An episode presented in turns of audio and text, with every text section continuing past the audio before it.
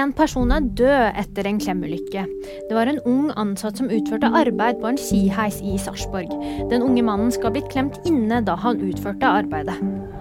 Anniken Huitfeldt kan bli USA-ambassadør. Regjeringen venter på diplomatisk godkjennelse fra amerikanske myndigheter, får VG opplyst. Huitfeldt var Norges utenriksminister fra 2021 til 2023. Norges nåværende ambassadør er ferdig i jobben i august.